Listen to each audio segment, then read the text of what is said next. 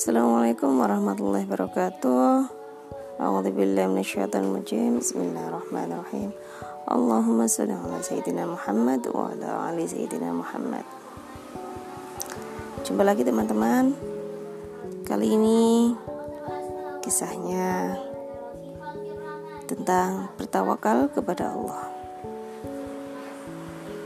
Suatu ketika seorang sahabat mengadu kepada Rasulullah Shallallahu Alaihi Wasallam. Dia adalah Auf bin Malik al Ashjai.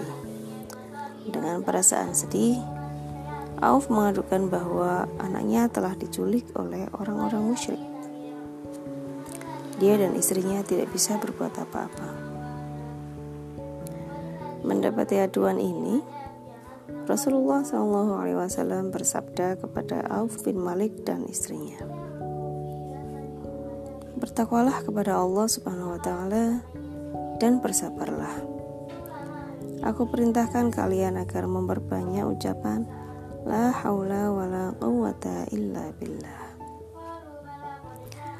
Auf dan istrinya pun kembali ke rumahnya.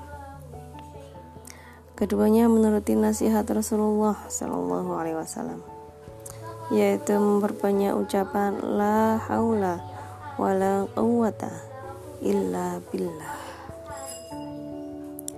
Tidak lama kemudian, terdengar suara pintu diketuk. Tok tok tok. Auf dan istrinya bertanya-tanya, siapa gerangan yang mengetuk pintu? Karena penasaran, Auf pun segera membukakan pintu. Ternyata anak mereka telah kembali Bahkan dia membawa 100 ekor unta yang ditinggalkan si penculik. Insya Allah banget ya. Anaknya sudah kembali, masih dapat rezeki 100 ekor unta. Allah pun kemudian menurunkan wahyu kepada Rasulullah SAW dalam surat At-Talaq ayat 3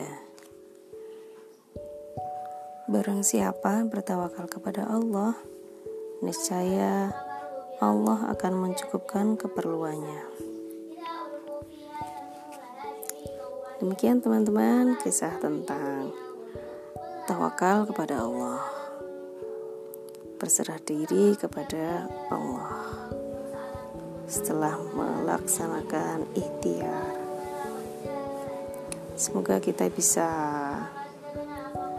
mengambil hikmah dan semoga kisah ini bermanfaat. Assalamualaikum warahmatullahi wabarakatuh.